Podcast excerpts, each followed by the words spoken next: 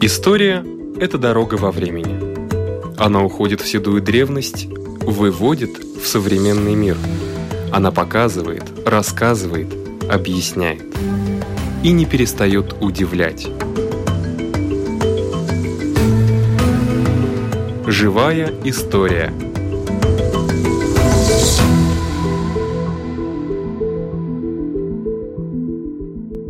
У микрофона Лидия Чера. Каждый месяц музей музыки и письменности объявляет предмет месяца. И этот месяц до 20 мая – это кукла.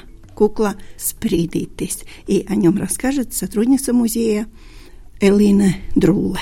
Я куратор проектов и организатор мероприятий Музея литературы и музыки. И наш музей создал проект «Менеша Приекшмац», что значит, что в этом году каждый месяц мы гостим в одном из музеев Мемориала музею Апвиенība. И мы были уже в музее Александра Чака.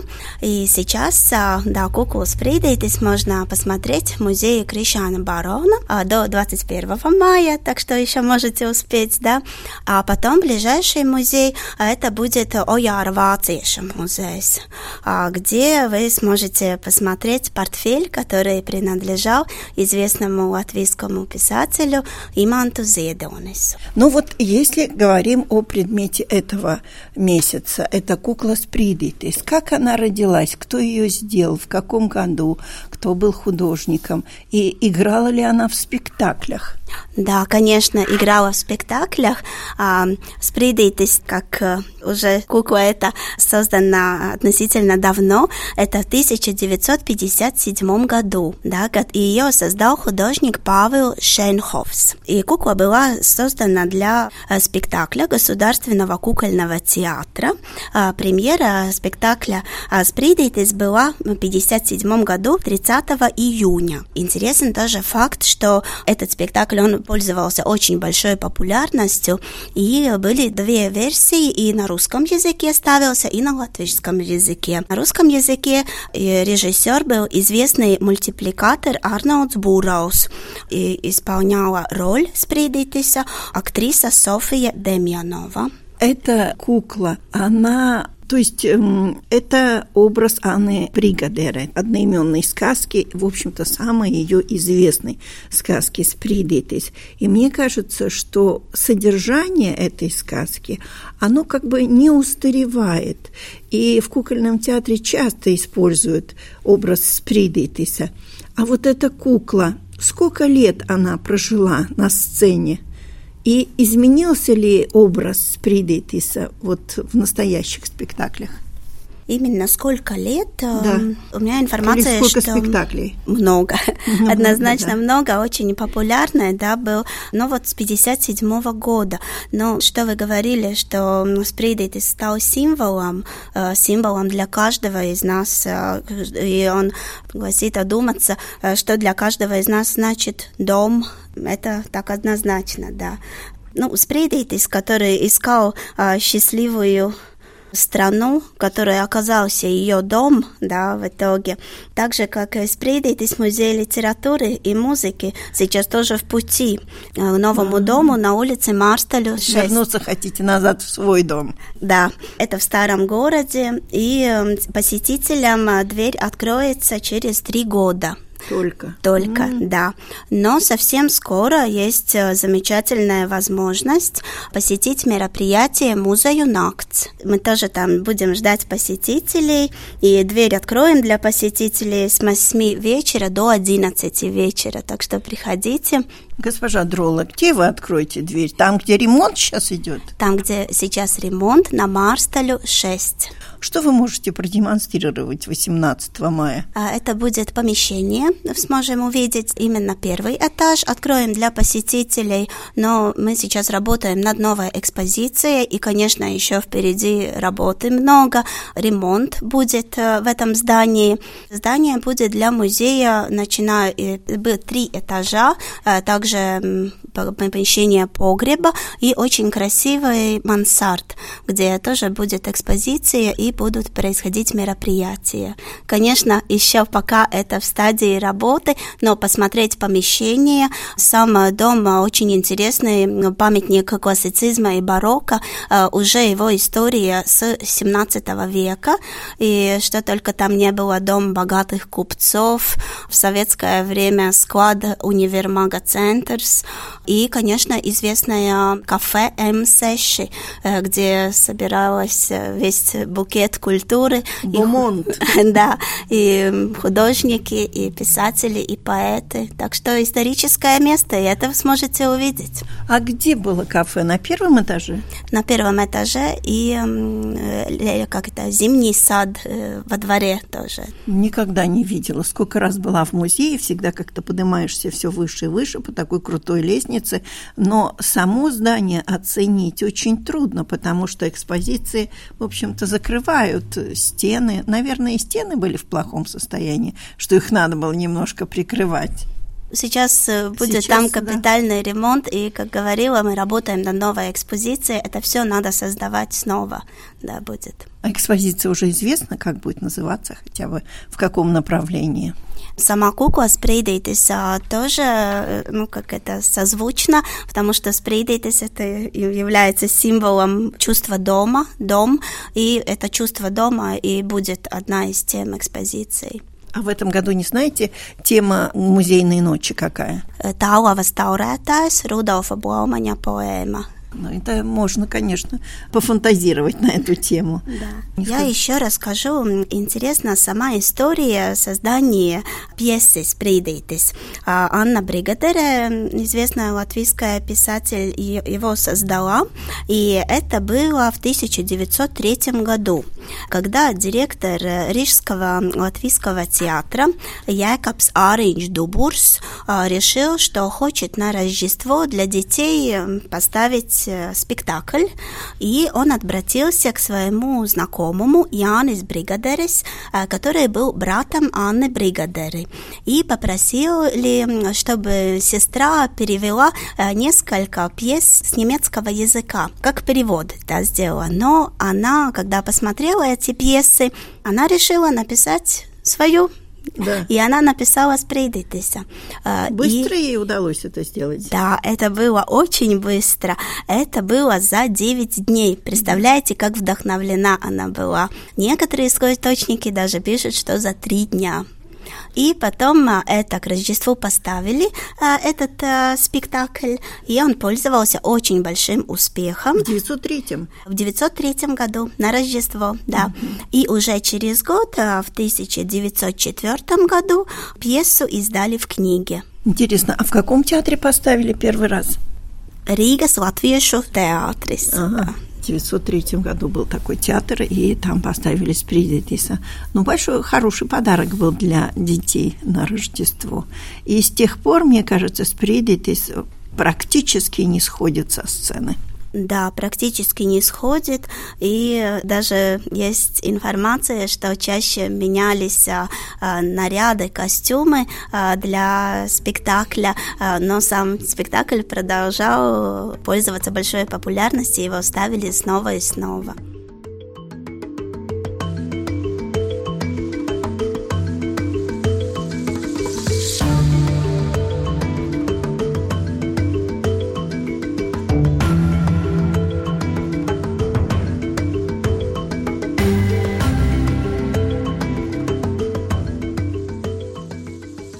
И ходит по Даугаве корабль. Корабль просто как будто из средневековья, когда и латыши были викингами, и тоже ходили по Даугаве, и были, говоря, довольно такими злыми викингами.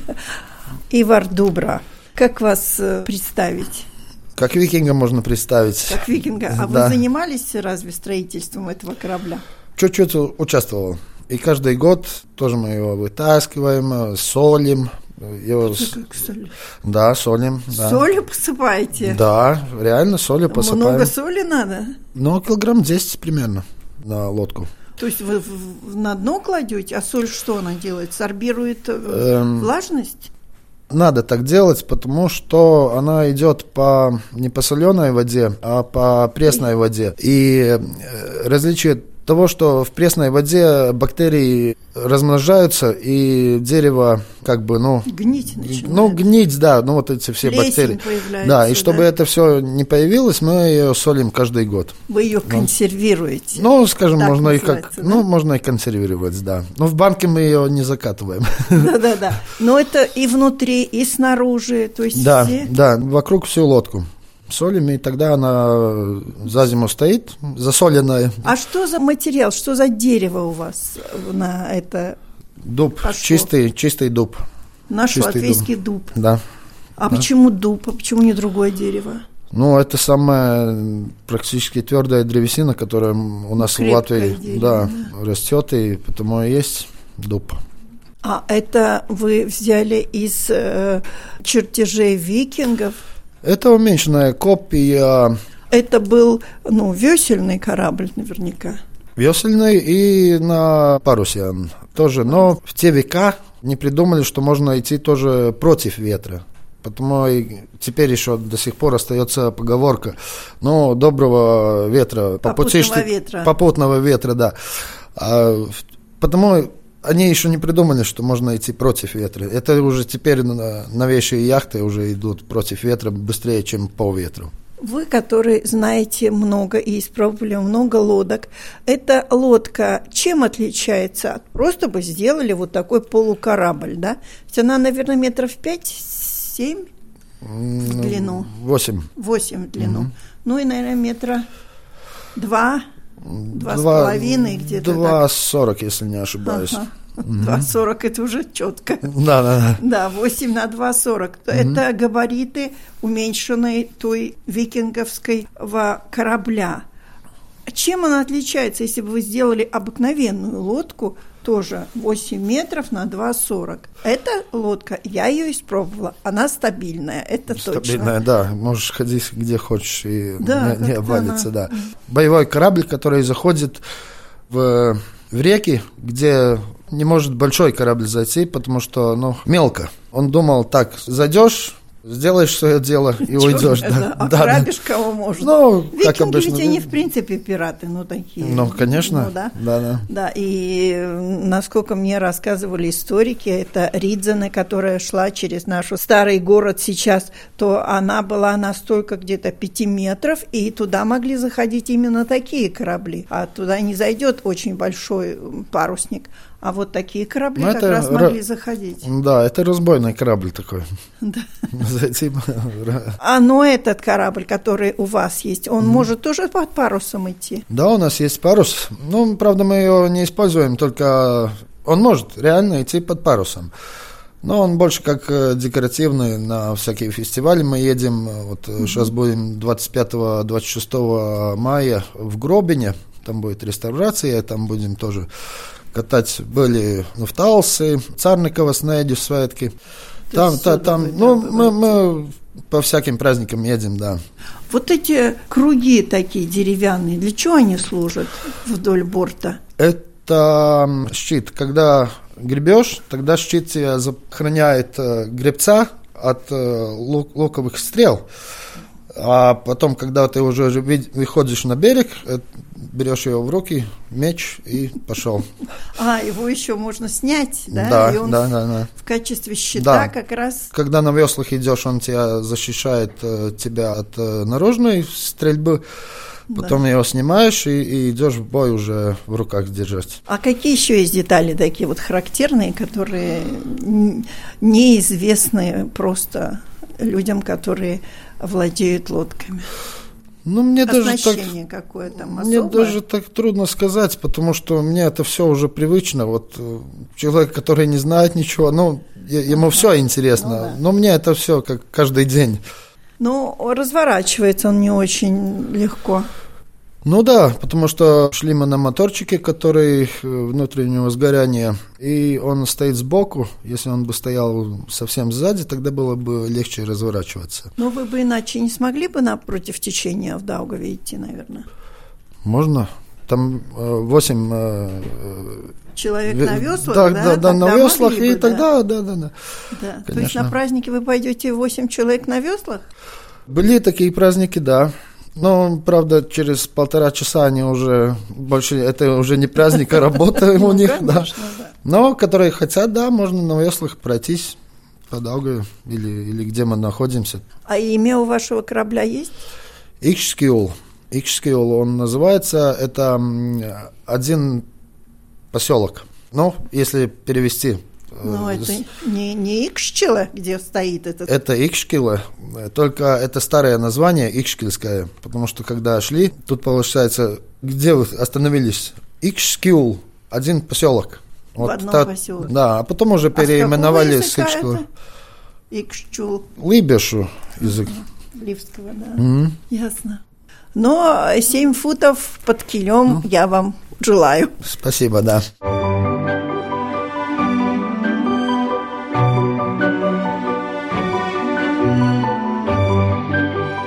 Лет Национальной библиотеки. Программа «Живая история» предлагает цикл сюжетов о раритетах, которые там находятся. Итак, заглянем в хранилище редких книг.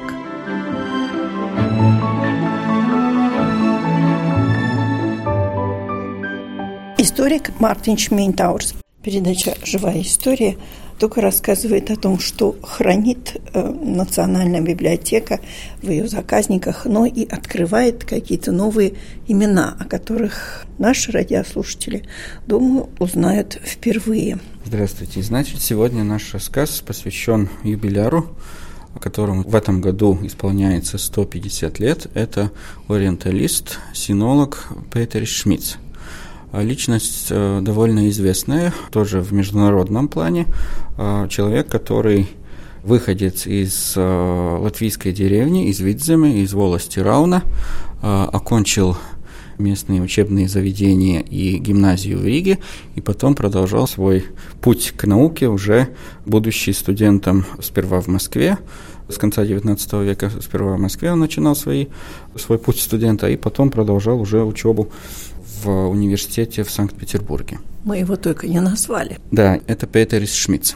Он стал э, знаменитым специалистом по ориенталистике и по, в частности, по синологии, то есть по истории и языковедению Китая, в то время как он уже с 1899 года работал на Дальнем Востоке, э, в городе Владивосток, э, в Институте Дальнего Востока, который был там создан еще при имперском правительстве в конце XIX века, и он стал специалистом по маньчжурским языкам. Маньчжурия – это такой регион э, на северо-западе Китая, который граничил тогда с Российской империей, и в этом регионе, оказывается, живут несколько общин, которые имеют разные, отличные между собой языки. Да, потому существует это определение маньчжурские языки. Не один язык, а несколько таких языков. Есть такой вальс «Маньчжурские сопки» или «На маньчжурских сопках». Да, это как раз э, с, со времен войны, русско-японской войны 1904-1905 годов. И в то же самое время и э, Петер Шмидц тогда работал в этом Дальневосточном институте, который стал потом уже университетом в Владивостоке и стал действительно международным специалистом по этим вопросам. Он там... Можно я позволю вопрос все-таки? Но откуда у юноши из Видзема интерес таким языкам? Есть ли какое-то объяснение? Это очень интересный вопрос, потому что по биографии Петера Шмидта, в принципе, есть одна статья, автор которой Елена Стабурова, тоже ориенталист э, Латвийского университета. Эта статья была опубликована уже в начале 90-х годов прошлого века, да, то есть э, где-то в 1991 году. И в этой статье профессор Стабурова попыталась э, узнать больше и разъяснить читателям, какова была биография Петриса Шмидта, и она пришла к выводу, что это был конечно, это было решение, которое э, принял. Действительно, он по своему научному складу не только языковед, но он был еще и этнологом.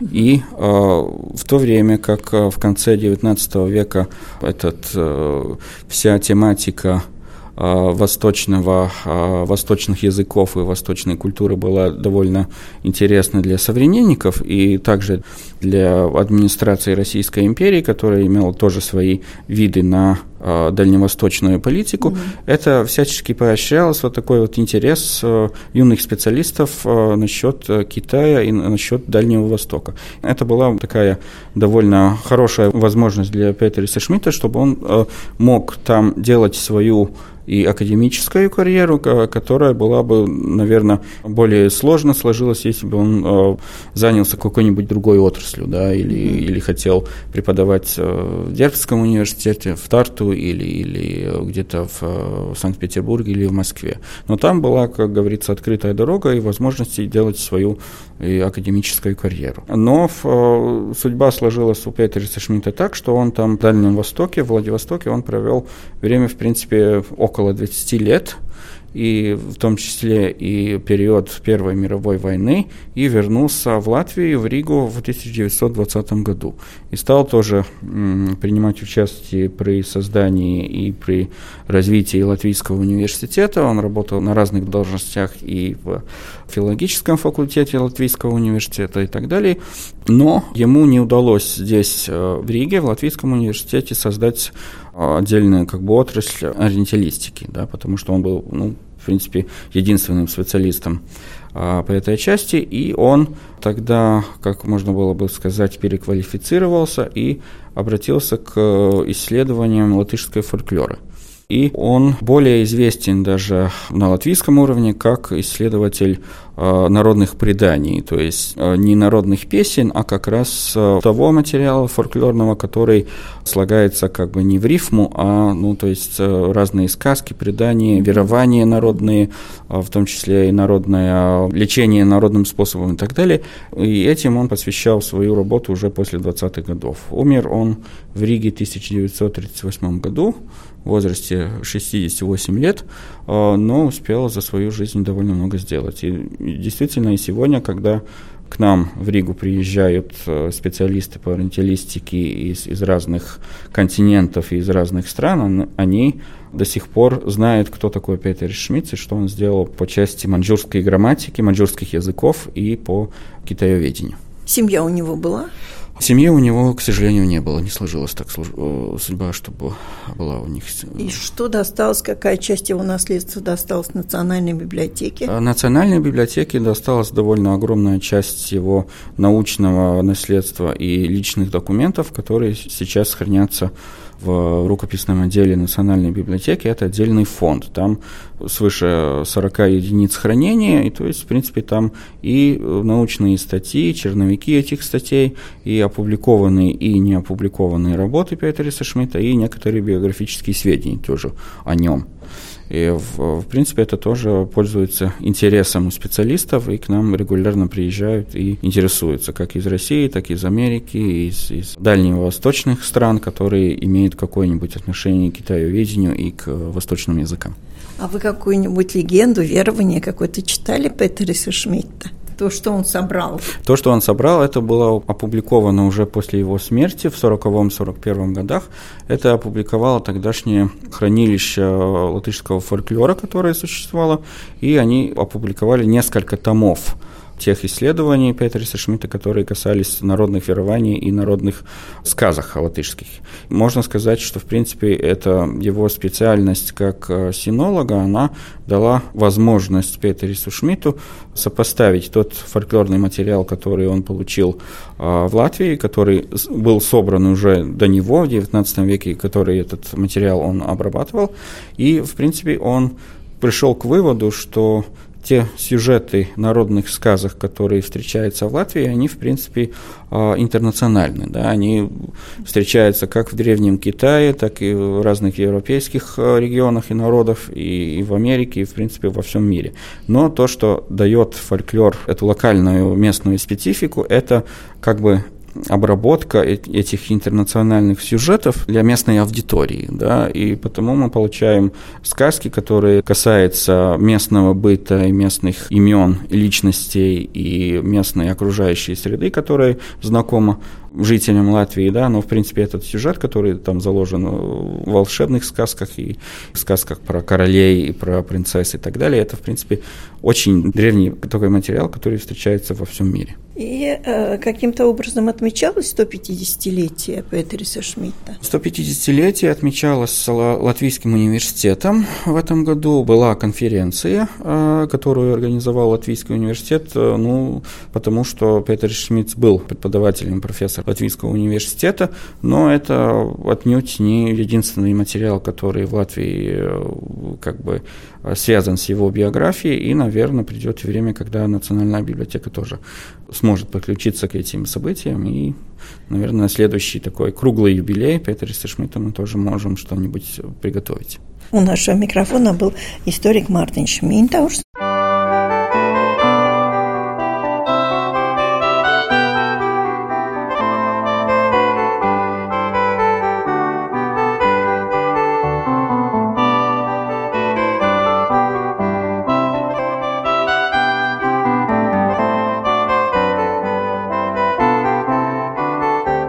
Шминтаурс. реликвий истории Латвии, рассказывает Ирина Зайберта. Более чем 150 лет назад в Латвии происходили очень важные для консолидации латышского народа э, процессы. И то, как формировалась э, латышская нация, очень много на эти процессы повлияли младолатыши. В сущности, они и руководили этим процессом, потому что младолатышами в середине XIX века начиная с 50-х, особенно в 60-е годы XIX века, стали самые образованные, самые интеллигентные в то время латыши. Ситуация была довольно сложной, но э, не уникальной, потому что Похожие процессы происходили э, со многими народами и нациями именно в это время. И если посмотреть на историю Европы и на другие города, то э, процессы объединения государства, образования наций, они очень характерны для э, середины и второй половины XIX века. Но, конечно, для нас уникален именно этот процесс, процесс становления латышской нации. И когда младые латыши, то есть, как я уже говорила, э, образованнейшие люди латышского происхождения того времени пришли к выводу, что и латышский народ достоин того, чтобы стать э, нацией со всеми, э, ну, исходящими из этого последствиями, это был и очень важный, и очень тяжелый, трудный процесс. Ведь до этого, потому что подавляющее большинство э, латышей были крестьянами, Э, то есть считались э, людьми низшего сословия, ведь только в начале XIX века в Курзаме и Земгале было отменено крепостное право. В Латгалии это крепостное право еще было до 1861 года. Считалось, что эти крестьяне, как низшее сословие, не способны подняться на уровень интеллигентного человека. Более того, сам язык э, латышский русский считался примитивным и таким, на котором а, можно говорить только о таких бытовых темах, о жизни просто, но невозможно подняться на уровень науки, на уровень искусства, на уровень литературы и поэзии. И поэтому одним из основных заданий, задач младолатышей было доказать то, что этот процесс, то есть э, поднятие латышской нации на уровень культурной нации возможен. И одним из методов был, конечно, язык. Если можно на языке говорить на возвышенные темы, значит и нация, владеющая этим языком, достойна быть культурной нацией. И поэтому то, что делали люди то есть младолатыши во второй половине XIX века с латышским языком, было очень-очень важным. И в этом важном процессе очень важную, может даже самую важную роль играл человек по имени Юрис Алунанс. И Юрис Алунанс прожил недолгую, но очень яркую жизнь как один из лидеров, идейных лидеров Млада Латышей, он действовал, будучи студентом Тартусского университета. Как известно, подавляющее большинство э, Млада Латышей были студентами э, Тартусского университета, и именно там, за пределами, за э, уже границей теперешней Латвии, образовалось это движение, оно сформировалось в сущности.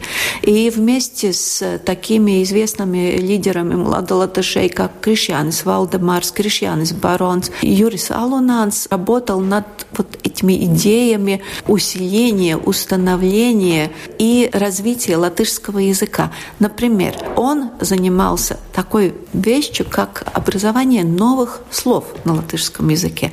Например, он считается автором таких слов, как «ракстнекс», писатель, такого слова, как «бурц», буква, учитель, и «пētnieks», исследователь, «каравирс», «карēvis», не, например, э, солдат, как, ну, как э, это слово интернационального значения, а именно латышское. Например, «арземес» – «за граница». Это тоже слова, созданные Юрисом Алунаном.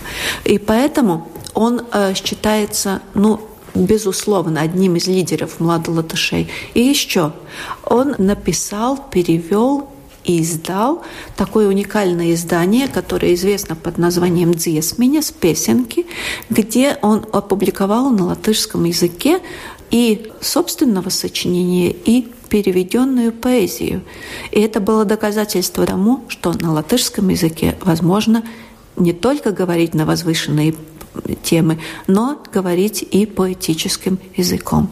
И вот когда Юрий Салунанс был студентом Тартусского университета, он, конечно, как все студенты того времени, или подавляющее большинство, был э, членом корпорации, и э, не только членом корпорации, он и автор э, слов гимна этой корпорации.